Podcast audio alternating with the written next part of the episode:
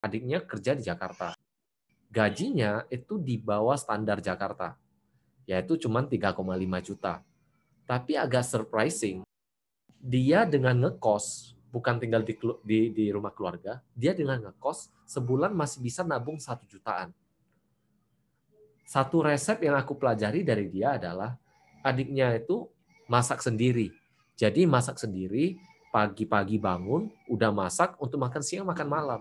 Jadi cenderung lebih hemat dibandingkan makan di luar. Di luar gitu. Apalagi kalau makan di luar kan eh, ya tahulah kebersihannya kan dipertanyakan juga kalau yang harganya lebih murah. Gitu. Walaupun di sisi lain sekarang sih eh, ada beberapa startup yang mulai memberdayakan warteg. Jadi wartegnya di-upgrade jadi lebih bersih, pakai sistem dan sebagainya. Tapi gimana pun kan eh, ya namanya makan di luar kita mau gimana gitu ya tutup sebelah mata kan gitu soal kebersihan tapi uh, dia survive di Jakarta dan bisa nabung. Angkanya kan nggak kecil gitu loh. Gaji tiga setengah bisa nabung di atas satu juta itu udah wah banget. Apalagi ngekos. Jadi uh, aku setuju tadi uh, yang di luar daily necessities ya dipinggirin dulu gitu loh. Harus ngerti prioritas. Ya enggak sih? Iya, yang di luar yang di luar daily necessities kita itu yang kita kita rombak gitu. Kalau misalnya nggak begitu ya otomatis ya nggak akan nggak akan banyak. Ibarat ibarat gini uh, kalau kita yang misalnya tidak tidak ahli masak gitu ya kan coba aja misalnya kayak catering bareng bareng teman atau kita beli belanja kita belanjain per berapa grup gitu ya kan per berapa orang kita belanja terus kita kasihin aja ke teman kita yang bisa masak atau yang atau orang-orang di dekatnya di dekat kita yang bisa masakin gitu ya. Paling paling pengeluaran kita lebih sedikit dibandingkan kita harus makan di luar. Karena makan di luar kan kena pajak. Sementara kalau kita masak sendiri kagak. Iya. Pajaknya masuk ke kantong iya, sendiri. pajaknya mending kita mending uh, aku mikirnya gini selama psbb ini kan mulai mulai kreatif lah mem mempertahankan hidup gitu ya kan. Karena kan banyak warung yang tutup apa-apa sekarang sekarang susah gitu ya kan. Ke mana-mana juga kita ngeri gitu. Betul betul. Nah ternyata setelah aku hitung-hitung pengeluaranku kalau masak sendiri yang yang masak-masak standar kayak telur goreng terus apa ya mie instan sekalipun. Itu kalau dihitung-hitung ternyata dengan jumlah makan yang sama yang tiga kali sehari itu malah lebih murah dibandingkan sekali beli keluar gitu. Sekali di luar let's say sepuluh ribu deh kita kita bilang ya nggak pakai apa-apa gitu kayak nasi nasi ikan doang pakai sayur dikit sama sambal gitu paling sepuluh ribu lima belas ribu gitu yang paling murah di warteg-warteg. Dibandingkan dengan lima belas ribu kita beliin telur itu udah bisa bisa untuk seminggu. Iya iya. Iya banget sih itu. Iya iya banget. Bener. Uh, uh, jadi jadi kita kita analoginya aja jangan jangan kita tuh jangan mikirin bahwa mengurangi pengeluaran itu sebenarnya susah. Enggak kok. Jadi tinggal tinggal ubah aja habitnya. Baru kayak kayak kalau misalnya kita bisa beli Metrocard yang 10 kali perjalanan lebih murah ya kenapa nggak beli itu? Kalau misalnya kita pakainya juga tiap hari gitu. Dibandingkan dengan yang sekali bayar sekali bayar misalnya kayak sepuluh ribu atau sekali tap lima ribu gitu. Daripada mending yang beli yang yang kalau misalnya memang kita akan pakainya sering ya mending yang sekali Betul. pakai bundle banyak tuh sama ibaratnya kayak kayak ambil paket internet deh. Paket internet bundling itu sebenarnya lebih lebih hemat dibandingkan kita beli paket internet sendiri, paket nelpon sendiri, setuju. mending yang bundling sekali ya. Setuju. Jadi metode penghematan itu sekarang sebenarnya udah lebih kreatif sih, lebih banyak. Ibaratnya kayak kenapa kita harus kita apa kita harus pusing gitu. Ibaratnya kayak betul. Uh, itu yang paling mudah sih uh, ngurangi ngurangi pengeluaran itu langkah paling mudah yang bisa dilakukan karena itu istilahnya semuanya udah ada, duitnya udah ada, tinggal setel diri sendiri. Iya benar. Dan itulah dan dan gini dan misalnya kita tuh punya budget harian, misalnya kita punya budget harian sehari lima puluh ribu misalnya. Terus pengeluaran kita cuma tiga puluh lima ribu di hari itu. Nah lima belas ribunya jangan dipakai hura-hura, lima belas ribunya itu investasiin lagi, gitu. Karena lima belas ribu, lima belas sepuluh ribu aja kan ya, udah ya. bisa udah bisa nabung reksadana di ya terserah sih mau dipakai di mana. Misalnya 15 ribu ditaruh hari ini di pasar uang, 15 ribu besoknya dipakai di di mana ya di saham kan bisa. Nah, tapi yang itu terlepas dari uang yang sudah kita komit untuk dikeluarkan tiap tiap bulan atau tiap harinya untuk diinvestasikan. Jangan gara-gara kita sudah berhemat 15 ribu, ya 15 ribu itu aja yang di, diinvestasiin. Enggak. Jadi 15 ribu itu tambahan untuk investasi kita. Mhm. Setuju, setuju. Setuju. Uh, apalagi sekarang kan kayak uh, uh, rekening bank kan ada yang yang pakai aplikasi tuh. Nah, uh, itu juga bisa misalnya kalau mau uh, deposito cuman pakai 10.000 juga bisa jadi uh, sementara nih karena untuk beli reksadana mungkin uh, reksadana uh, yang ingin kita beli itu minimalnya misalnya 100 ribu. Ya sudah, sementara diparkir dulu aja di di sono di bank. Gitu. Nanti udah cukup baru setor ke reksadana baru diinvestasiin gitu. Mm -mm. Jadi kalau misalnya kita hidupnya yang yang gini-gini aja yang ya aku itu orangnya udah serba mager kalau misalnya ada yang lebih mager dari aku dan nggak survive juga sudah kelewatan aku bilang karena aku tuh orang yang udah paling males ngecek ini ono baca berita baca jangan salah loh kok aku baca prospektus ini aja prospektus reksadana aja. Aku cuma langsung ke bagian pembagian keuntungan. Mau dia ambil mau dia ambil ininya dari mana itunya dari mana bodoh amat. Yang penting langsung ke bagian keuntungan pembagian hasilnya gimana.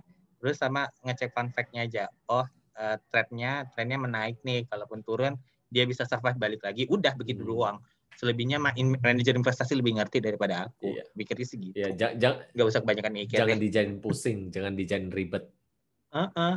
yang penting yang penting duitnya kita gelontorin aja duit duit kita gitu nah tapi ya tetap harus sesekali lah misalnya kita karena kan biasanya kalau misalnya kita ngambil reksadana apa pun uh, tiap bulan itu pasti akan ada mutual statementnya terus sama ya apa pun yang terjadi lah dengan reksadana itu. Misalnya dia di hold untuk beli di di bursa efek ya pasti akan diberitahu ke kita oh mungkin lagi ada lagi ada permasalahan di di reksadananya atau di di manajer investasinya. Tapi nggak apa-apa selama selama tidak ada dibilang diliquidkan perusahaannya ya kalaupun diliquidkan duit kita juga balik kan? Iya iya iya. Nah, jadi nggak perlu takut. Dan terkadang orang-orang un takut untuk memulainya nah itulah yang yang terkadang aku bikin oh aku kayaknya harus bikin konten reksadana for the dummies karena iya. orang-orang mikirnya tuh kayak kayak udah masuk ke investasi gitu harus modal gede padahal sebenarnya enggak reksadana itu malah malah targetnya itu kayaknya sih lebih ke milenial lebih cocok aku rasa karena iya. modal sepuluh ribu aja udah bisa go gitu. Betul betul. Uh, bahkan uh, sekarang reksadana yang sekarang itu udah udah bisa pakai uh, apa electronic wallet bayarnya. Jadi mau pakai link aja atau mau pakai uh, yang uh, GoPay atau OVO itu juga bisa. Jadi fleksibel banget sih yang sekarang. Kalau zaman zaman dulu pertama kali aku beli reksadana itu ribet banget minimal satu juta udah itu uh, habis satu juta buka rekening itu harus tiga hari ribet lah pokoknya serba ribet serba lama uh, belum lagi nanti semuanya pakai kertas jadi datang kantor tanda tangan dan sebagainya. Waduh ribet dah pokoknya. Nah, kalau yang sekarang udah serba asik serba mudah. Dan menurut aku sih reksadana sekarang itu enak banget. Uh, pilihannya juga banyak. Pokoknya mau beli ya udah uh, semuanya udah ada di satu tempat. Tinggal rajin-rajin ngecek, rajin-rajin obrak-abrik, mana nih yang kira-kira returnnya potensi lebih bagus, mana nih yang kira-kira uh, fund manager fund manajernya lebih dipercaya. Ya salah satu indikator yang dipercaya ya yaitu total aumnya tinggi, total duit yang dititipin ke dia tuh tinggi, gitu. Iya dan dan kita nggak perlu repot-repot mikirin ini pas lagi harganya naik kita harus modal berapa nih untuk beli. Enggak karena kan ya mau harganya lagi naik naik gila-gilaan atau lagi jeblok hancur-hancuran juga ya kalau kita investnya sepuluh ribu ya sepuluh ribu itu yang duit kita masuk. Gak usah kita pikirin. Betul betul betul hmm.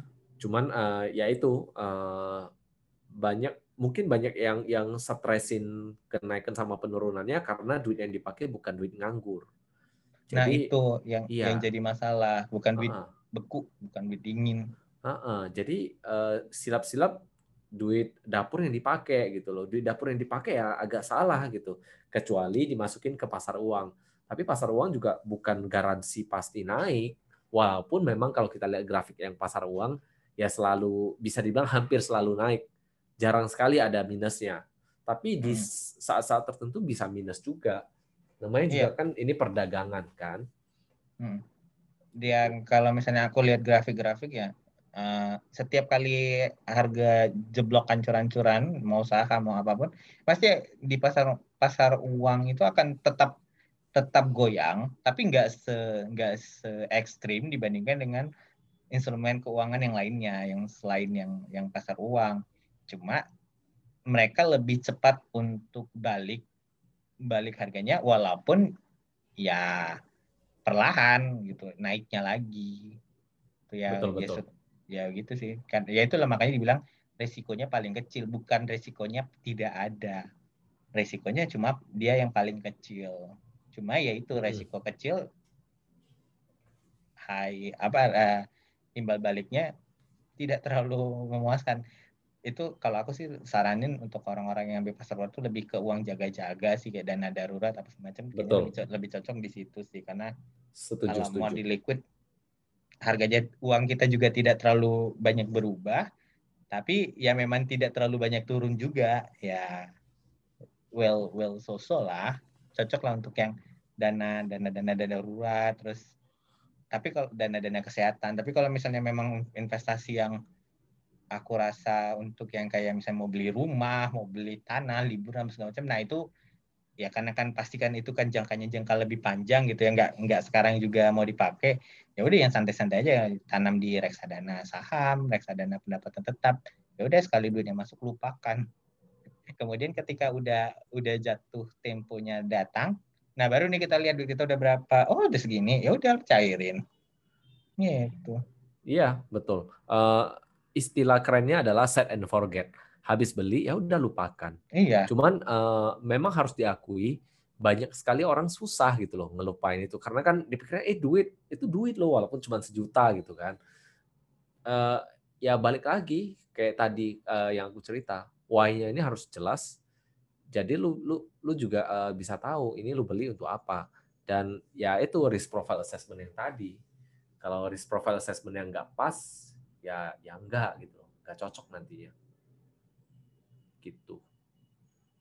Iya yang kayak begitu. Jadi makanya aku bilang kalau misalnya kalian tidak bisa uh, mudah melupakan, coba pakai cara aku yang misalnya kalian sudah komit untuk ngeluarin berapa ya udah dipecah aja. Kalau misalnya kalian ngeluarin satu juta itu kayak saat dalam satu hari itu kayak oh duitku udah masuk nih ke situ sejuta gua pantengin terus. Nah kan jadi kayak sistem forgetnya hilang ya. Coba aja kalau misalnya kita pecah ke dana yang yang kalian gampang untuk lupakan. Misalnya kayak kalian itu gampang melupakan uh, duit misalnya kayak sepuluh ribu ya udah investasiin aja sepuluh ribu pagi siang sore begitu kan sepuluh ribu. Pasti kan kita akan lupa.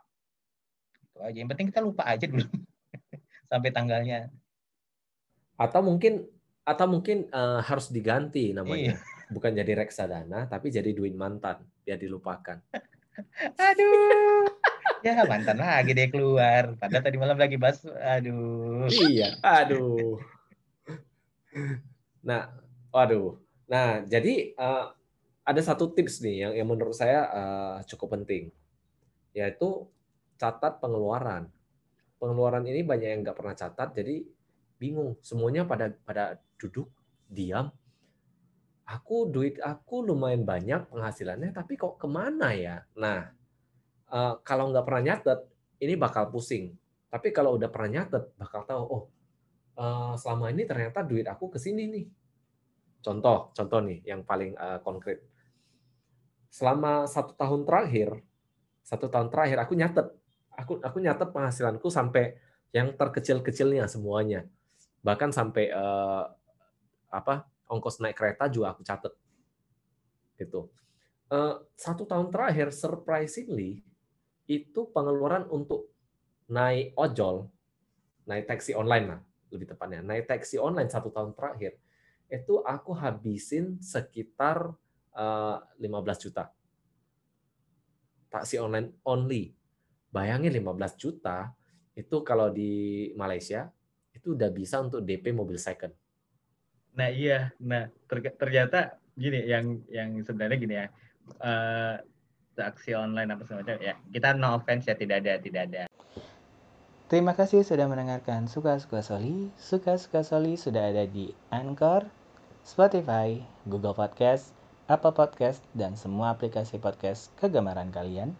Jangan lupa untuk subscribe di Karya Karsa dan Patreon Suka-Suka Soli di karyakarsa.com slash soli 1313 atau di patreon.com slash soli 1313. Terima kasih.